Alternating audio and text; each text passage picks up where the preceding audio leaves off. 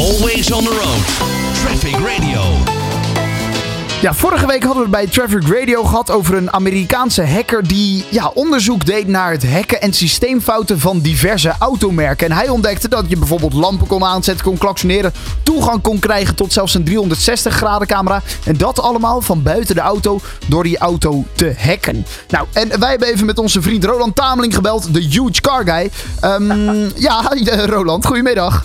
Goedemiddag, man. Ja, want dit is dus iets wat ineens kan. Ja, ik dacht je kan gehackt worden op je computer en, eh, en je mail en eh, je Instagram. Maar eh, je auto kan dus ook gehackt worden blijkbaar.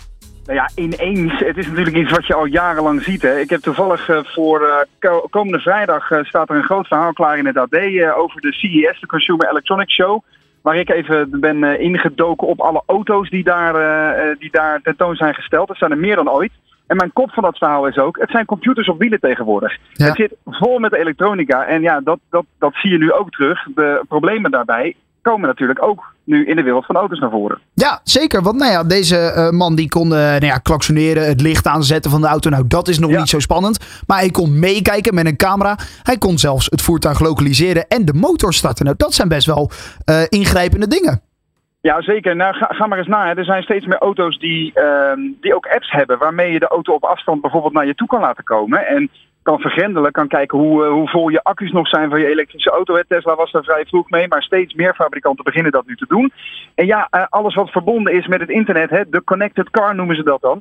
eh, dat heeft in theorie ehm, zwakke plekken op het gebied van cybersecurity. Dus ja, dat, dit, dit gaat nog wel vaker voorkomen, denk ik. Maar er zijn wel degelijk manieren om het, om het te voorkomen hoor. Nou, gelukkig. Daar bellen we je natuurlijk voor. Want jij hebt voor ons wat, ti- eh, wat tips opgezocht. Hè? Om om ja, ons te ja, beschermen tegen het hacken van de auto.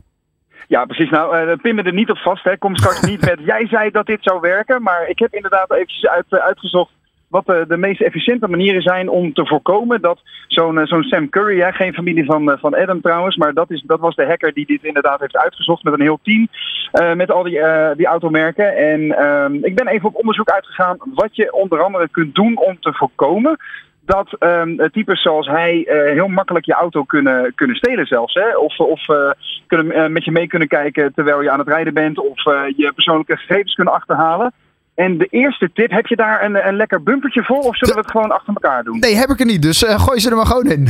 Oké, dan doe ik hem zelf even, ja? Ja. Tip 1. Hou je auto up-to-date. Dat klinkt super, super simpel en als een open deur. Het ligt nogal voor de hand, maar tegenwoordig heb je steeds meer software in je auto. En het is essentieel dat je die software zo goed mogelijk up-to-date houdt.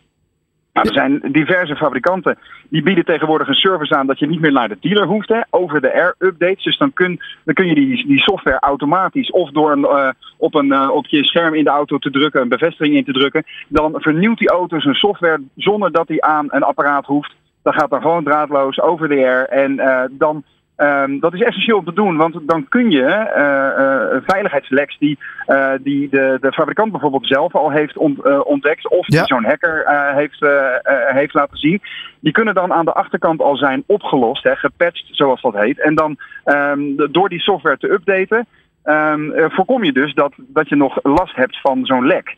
Ehm, bij steeds nieuwere auto's, bij steeds meer nieuwe auto's kun je met eh, eh, ja, een, druk op de knop dat doen. En bij andere merken of wat oudere auto's moet je nog steeds daarvoor langs de dealer. Maar die moeite zou ik zeker nemen. Ja, eigenlijk net als bij eh, je telefoon en de laptop. die inderdaad ook eventjes eens in de zoveel tijd updaten. Moet dat ook gewoon bij de auto. Tipje 2. Ja, precies. Nou, inderdaad. Tip 2. Zet de Bluetooth en de wifi van je auto uit zodra je het niet gebruikt.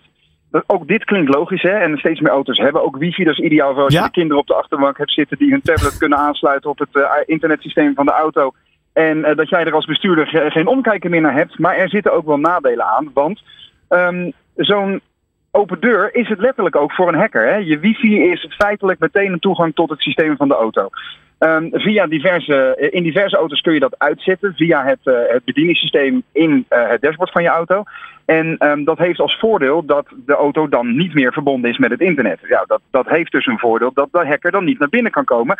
Er zitten ook wel nadelen aan, want op het moment dat je de Bluetooth en de wifi van je auto uitzet, dan kun je bijvoorbeeld niet meer met je telefoon de auto op afstand openen. Of um, uh, bijvoorbeeld even kijken hoe het met de accucapaciteit van je elektrische model gesteld is. Ja. Um, dus de, ja, het, het kan helpen, maar het is niet zo handig. Nee, nee, oké. Maar ja, toch wil je je auto beveiligen, dan kan dat een manier zijn. Tipje 3. Tip 3 is pas op met losse dongels. Ja, weet je wat een dongel is? Ja, we, ja, maar goed, dan ga ik in bij de radio gebruiken we het ook. Maar uh, leg maar even uit wat het bij de auto uh, precies inhoudt. ja, dat zijn van die lekkere technische dingetjes. Hè? Ja. Nou, eigenlijk is een dongel een, een apparaatje dat je uh, met, met zendapparatuur of met meetapparatuur dat je in je auto steekt. Dat steek je dan in de OBD-poort van je auto. Dat staat voor Onboard Diagnostics. Dat is een stekkertje dat zit vaak, vaak linksonder in je dashboard. En daar steekt een, een, een autodealer of een garagehouder steek daar uitleesapparatuur in. Maar er zijn tegenwoordig bijvoorbeeld ook verzekeraars die willen dat je zo'n dongel aansluit, omdat uh, dat zij dan kunnen monitoren hoe veilig je rijdt. En als je veilig rijdt, bijvoorbeeld jezelf aan de snelheid houdt en zo, dan krijg je een lagere premie. Ah. En op zich is zo'n dongel um, uh, ja, niet echt gevaarlijk, maar het kan wel zijn dat als die technologie verouderd is, dat een hacker zo'n, via zo'n dongel snel je auto in kan komen. Dus um, je moet, uh, mijn advies zou ik aan, aanhouden, gebruik alleen dongels voor partijen die je vertrouwt. En zorg dat ze niet verouderd zijn. Juist. En die hebben zij dan ook in, in bezit, die dongel? Ja, in principe wel. Um, uh, kijk, uh, er zijn verzekeraars die geven je bij het afsluiten van je verzekering inderdaad zo'n zo'n dongel. Die moet je dan in de auto steken, zodat zij kunnen, in, in, de gaten kunnen houden of je inderdaad niet meer kilometer rijdt dan je hebt afgesproken voor je verzekering en zo. Uh, op zich is dat, is dat nou, geen groot risico, maar het is wel weer een extra deurtje dat, je, dat in theorie open kan staan voor zo'n hacker. Ja. Dus uh, daar zou ik alert op zijn. Okay. Tip nummer vier dan. Mag ik door? Zeker, ga door. Lekker bezig. um, ja, tip nummer vier is voor mensen die hun auto verkopen. Want ook dan heb je best wel een risico dat je persoonlijke gegevens bijvoorbeeld op straat kunt, uh, kunnen komen te liggen. Want op het moment dat jij je connected auto verkoopt, dan zou het nog kunnen zijn dat je in allerlei systemen bent ingelogd. Hè? Uh, ga maar na, ik geef hier het, het voorbeeld van een Tesla. Daar kan je al jarenlang op YouTube, op Spotify, op allerlei andere internetdiensten in theorie kan het zo zijn dat jij je auto inlevert, maar nog wel staat ingeschreven of uh, ingelogd op die accounts. Ah. Dat zou ik sowieso niet doen. Nee. En hetzelfde uh, geldt ook als je een tweedehands auto koopt. Vraag dan aan je garagehouder om het systeem te resetten van de auto. Ja. Want voor hetzelfde geld staat de vorige eigenaar nog ingelogd. En dan zou die, mits die natuurlijk de, de juiste technische handigheidjes heeft, ook kunnen kijken waar jij rijdt. En dat wil je natuurlijk niet. Deze Nee. tip is trouwens ook toepasbaar op huurauto's. Want tegenwoordig kun je uh, in een huurauto vrij snel je mobiele telefoon uh, koppelen. En dan vraagt hij wel eens, wil je je contacten koppelen? Nou, in theorie, als het je eigen auto is, is dat best handig.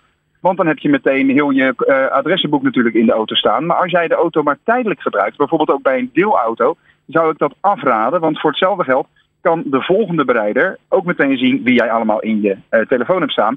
En jij wil ook niet dat ik jouw nummer zomaar aan iedereen geef, toch dan? Nee, nee zeker niet. Laten we dat inderdaad, uh, laten we dat inderdaad niet doen. Oké, okay, dus op die manier... weer met tientallen tegelijk voor de studio. Ja, dat moeten we niet hebben, nee. ja, tenzij ze een mooie auto meenemen, dan mag het natuurlijk. Zo is dat, ja. Um, ja, en die laatste, tip 5, dat vond ik wel een geinig. Ik heb ze al doorgestuurd ja. gekregen van jou. Uh, wij moesten een, een, tijd geleden een keertje van, van mijn broer een, een pot appelstropen leeg eten, want daar konden dan de autosleutels in. Nou, exact. Ja, de, de, de vijfde tip was bewaar je autosleutel in de koelkast. En dat, dat klinkt als een geintje, maar eigenlijk gaat het om het effect wat er dan gebeurt. Want zodra je je autosleutel, hè, dat is eigenlijk tegenwoordig meer een transponder die op afstand connectie Ja. maakt met de auto. Ja. Ehm, als je hem in de koelkast legt, dan wordt die connectie eh, die wordt onderbroken. En hetzelfde gebeurt op het moment dat jij hem in, inderdaad in een blikje of een, eh, eh, zelfs in aluminiumfolie eh, wikkelt en dan bij de deur legt. Dan kan een signaalversterker die een hacker gebruikt om het signaal van je sleutel op te pikken, kan dan niet meer worden gevonden. Um, ja, het is natuurlijk belachelijk als je je autosleutels in de koelkast gaat leggen. Maar het idee is wel interessant. Want dat voorkomt echt dat er zoals hier een paar straten verderop... een Toyota RAV4 gewoon van de oprit werd afgehaald. Een paar weken geleden. Dus um, dat kun je doen. Je kan zo'n bakje kiezen.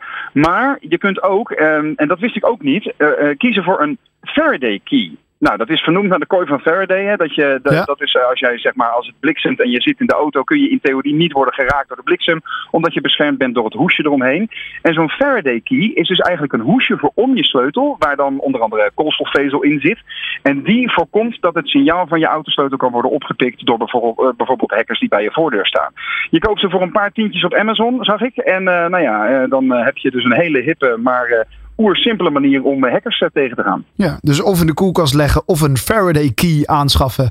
Om Ja, dus, of een eh, blikje appelstroop leeg eten. Ja, inderdaad. ja, dat kan natuurlijk ook. Oké, top. Eh, Roland Tameling, dankjewel voor deze tips. En dan eh, zijn we in ieder geval weer een beetje beter beveiligd tegen het hacken van onze auto.